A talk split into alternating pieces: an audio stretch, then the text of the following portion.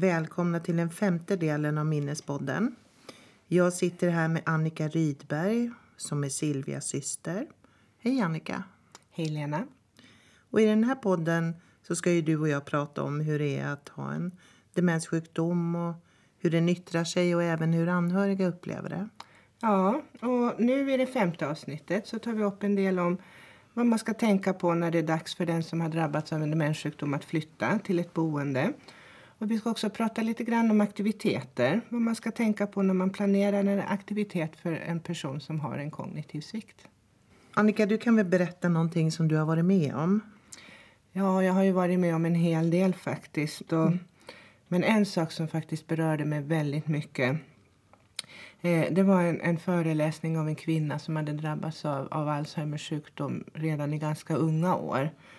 Eh, trots att hon var så sjuk så, så klarade hon av att resa runt och föreläsa om, om sin sjukdom. Men, men hon berättade att det tog så pass på krafterna att hon tappade orken helt för ett par tre dagar efter varje föreläsning. Mm. Men vad starkt gjort att klara av det med den sjukdomen.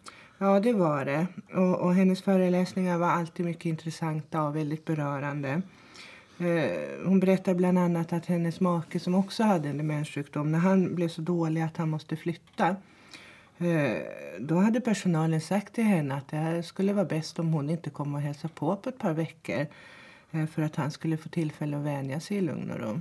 Men man kan ju bara tänka sig vilken stress och oro det måste ha varit för henne. Ja, men det är klart. Och det finns ju ingenting som visar att, att man skulle finna sig till rätta på ett boende fortare om man inte får ha kontakt med sina närmaste. Jag skulle väl tro att det snarare är tvärtom.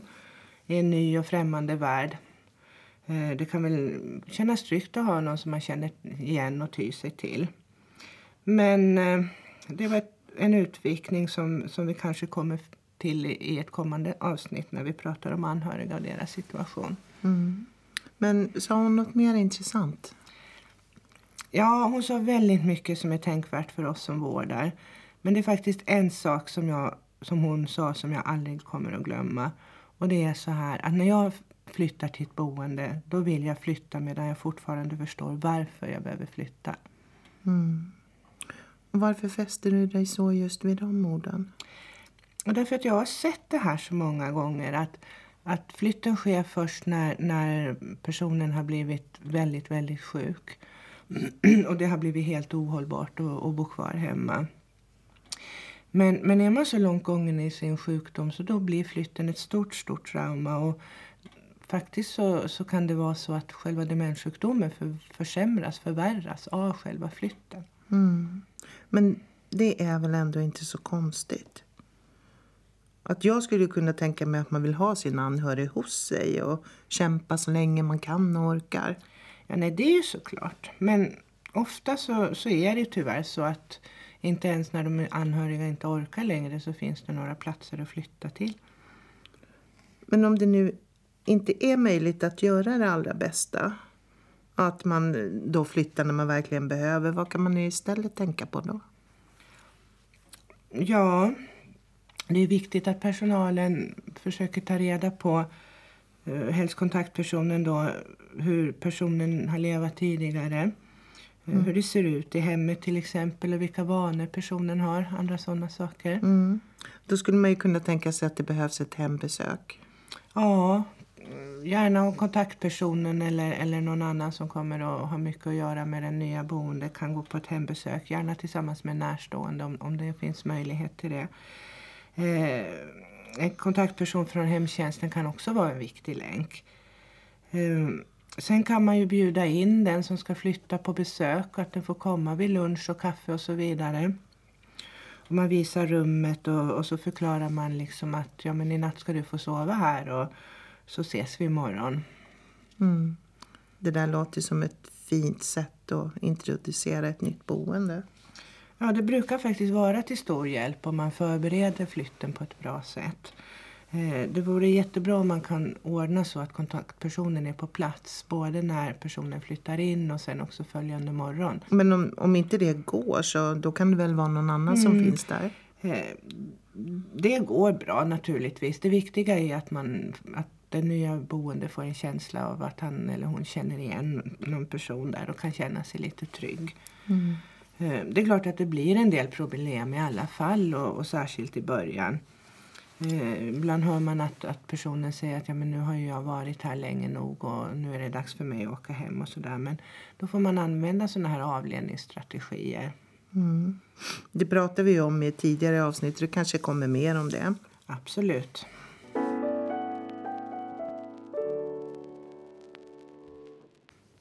Ja, och sen så skulle vi prata om det här med aktiviteter. Ja, eh, när det gäller aktiviteter så finns det väldigt mycket som man behöver tänka på. Först och främst så kanske man ska ställa sig frågan att vad är en aktivitet egentligen? Då tänker jag på spel eller sång eller handarbete och sånt. Ja, det är klart att det, det räknas som aktiviteter. Det gör det absolut. Eh, Men det man måste tänka på när man har med demenssjuka att göra är, så, är ju att allting hela dagen är en aktivitet. Att stiga upp och tvätta sig och klä på sig. Eh, måltiden till exempel, det är dagens viktigaste aktivitet. Eh, det är viktigt för den som bor på ett boende att han eller hon får känna sig delaktig. Att, att man upplever att man har en roll och känner sig lite behövd. Mm. Där spelar ju personalen en stor roll, antar jag. Ja, personalen spelar ju hela rollen.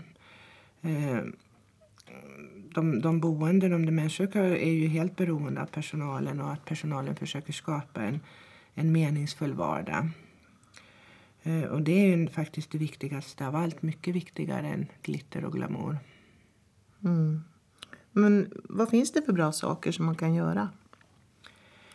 Ja, man kan till exempel be om hjälp med, med lite olika vardagssysslor. Någonting som man känner att, att den boende klarar av. Eh, enkla saker som hjälpa till med att duka, duka av eller diska.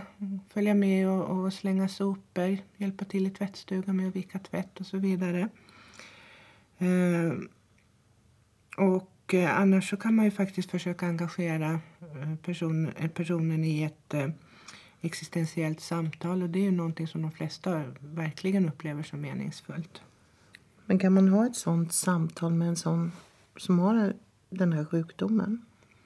Ja, faktiskt. Och jag tror att du skulle bli förvånad om du fick höra de saker som jag har fått hört. Det är klart att man inte kan föra ett sånt samtal riktigt på samma sätt som med en person som är kognitivt frisk. Men även en demenssjuk har tankar om sig själv och, och sitt liv och sin roll i, i livet och världen.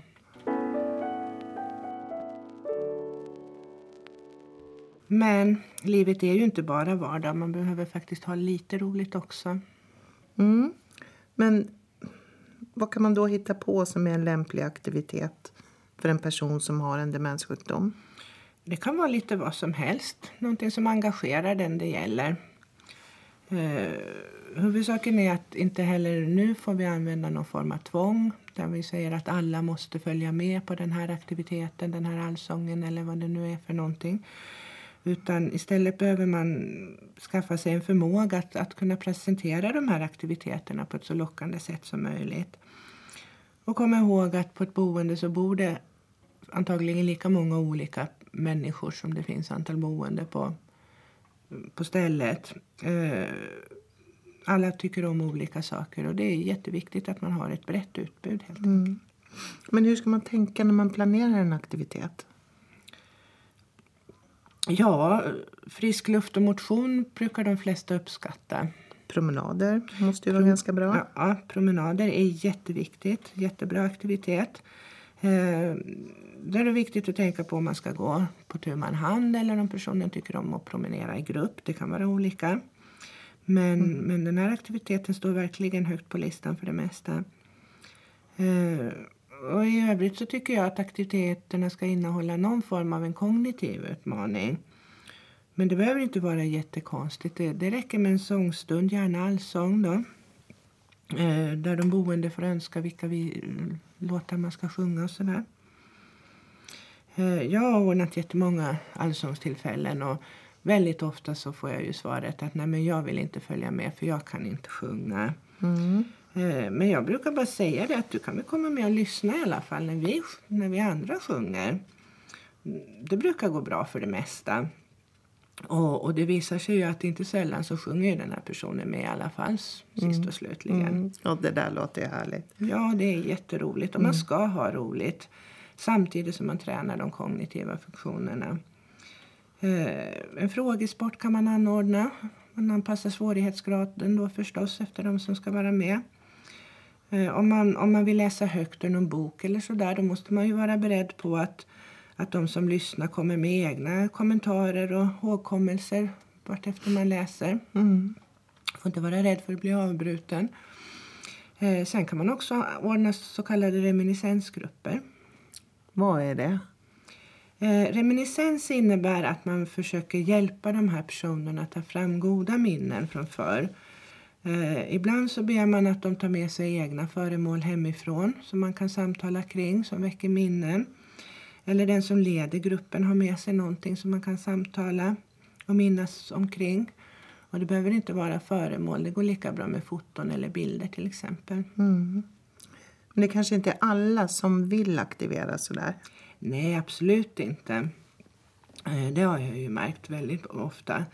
Men ibland räcker det faktiskt att, att man erbjuder någonting gott att äta eller dricka. En fikastund till exempel och samtalet kring kaffebordet. Alla vill ju faktiskt inte umgås och aktiveras i grupp heller. Och, och de, de kan bli lite bortglömda ibland faktiskt verkar, verkar det som. Ehm, även om, även om eh, de alltid tackar nej till alla aktiviteter så, och det är ju viktigt också att man respekterar den enskildes vilja. Mm. Men de har väl någon orsak och att de tackar nej? Ja, eh, det har de ju såklart. Eh, Men det kanske inte är den orsaken som vi tror att det handlar om. Eh, Det kan vara så att de inte förstår vad det innebär, det som vi föreslår som aktivitet. Och, och så tackar man nej för säkerhets skull, för man vet ju vad man har men man vet inte riktigt hur det blir om man säger ja. Mm. Eh, då är det viktigt att man klarar av att motivera de här personerna till aktivitet. Och, och, och går det absolut inte utan att det uppstår någon typ av negativa känslor så, så då, kan man, då får man försöka sätta sig ner en liten stund och prata. Och, och sen kan man gå tillsammans och man kan tänka sig att fråga bara att undra om det finns lite kaffe på gång och sådär. Um, ofta visar det sig att får man med personen utan, utan krångel till aktiviteten så, så uppskattar de det samvaron kring det, aktiviteten i alla fall. Mm. Det där låter ju så smidigt och lätt. Är det alltid så? Nej, det är det absolut inte. I vissa fall går det absolut inte. Och då får man ju försöka hitta på någonting att göra som man kan göra på tu hand så att säga. Eh, här är det ju viktigt igen då att man känner till levnadsberättelsen så att man vet lite grann vad personen kan tänkas uppskatta för aktivitet och ha för intressen och tycker är roligt. Mm.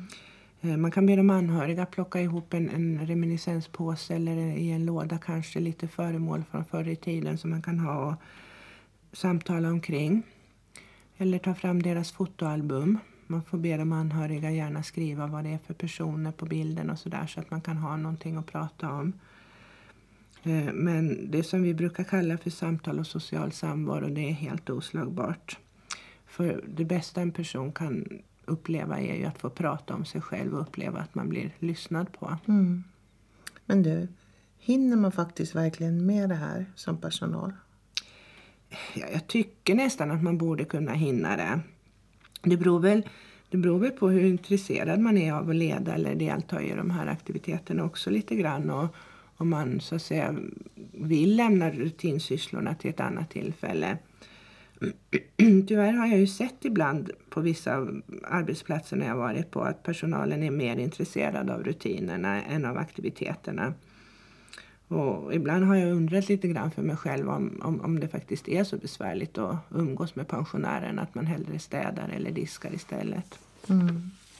Ja, jag tycker inte att det där låter så bra, men förståelse finns ju också för att vissa tycker att det är viktigt med rutinerna och kanske inte vill höra att man har slarvat och så vidare. Nej, det är ju såklart och rutiner är viktiga och rutiner behöver faktiskt finnas. Eh, Rutinerna ska utgöra ramen för arbetet men innanför den här ramen så behöver man kunna vara lite flexibel. Eh, Man, man kanske kan lämna den där disken eller städningen till ett se- senare tillfälle och följa de boendes vilja lite grann istället. Mm.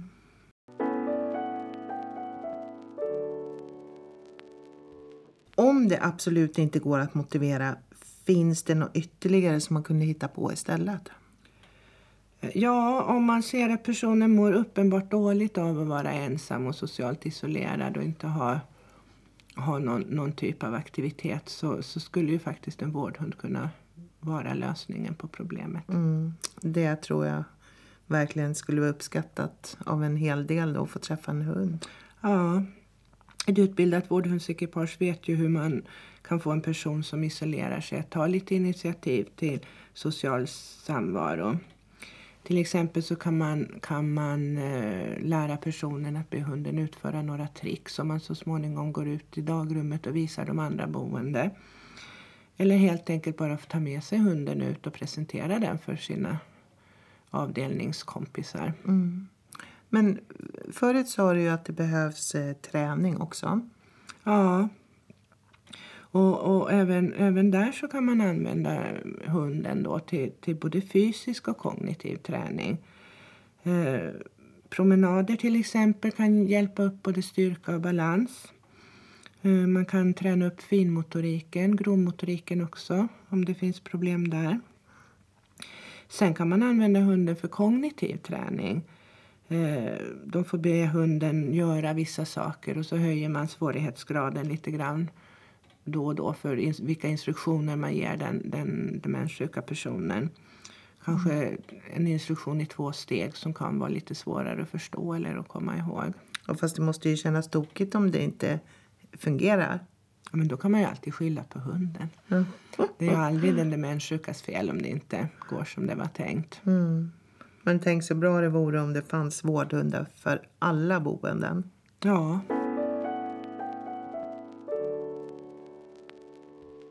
Eh, om två veckor så ska vi få höra en intervju som vi har gjort med två personer som är anhöriga till personer med demenssjukdom som har vårdat dem både hemma och nu har de på olika på ett boende.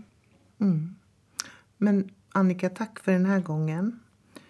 Och vi ser ju fram emot att få återkomma med fler frågor och svar. Och är det så att du som lyssnar har några egna frågor så är du välkommen att skicka dem till minnespodden alandsradio.ax. Eller ring mig. Telefonnummer 0457 345 5585 eller skicka ett personligt meddelande från min Facebook-sida. Hej då! Hej då!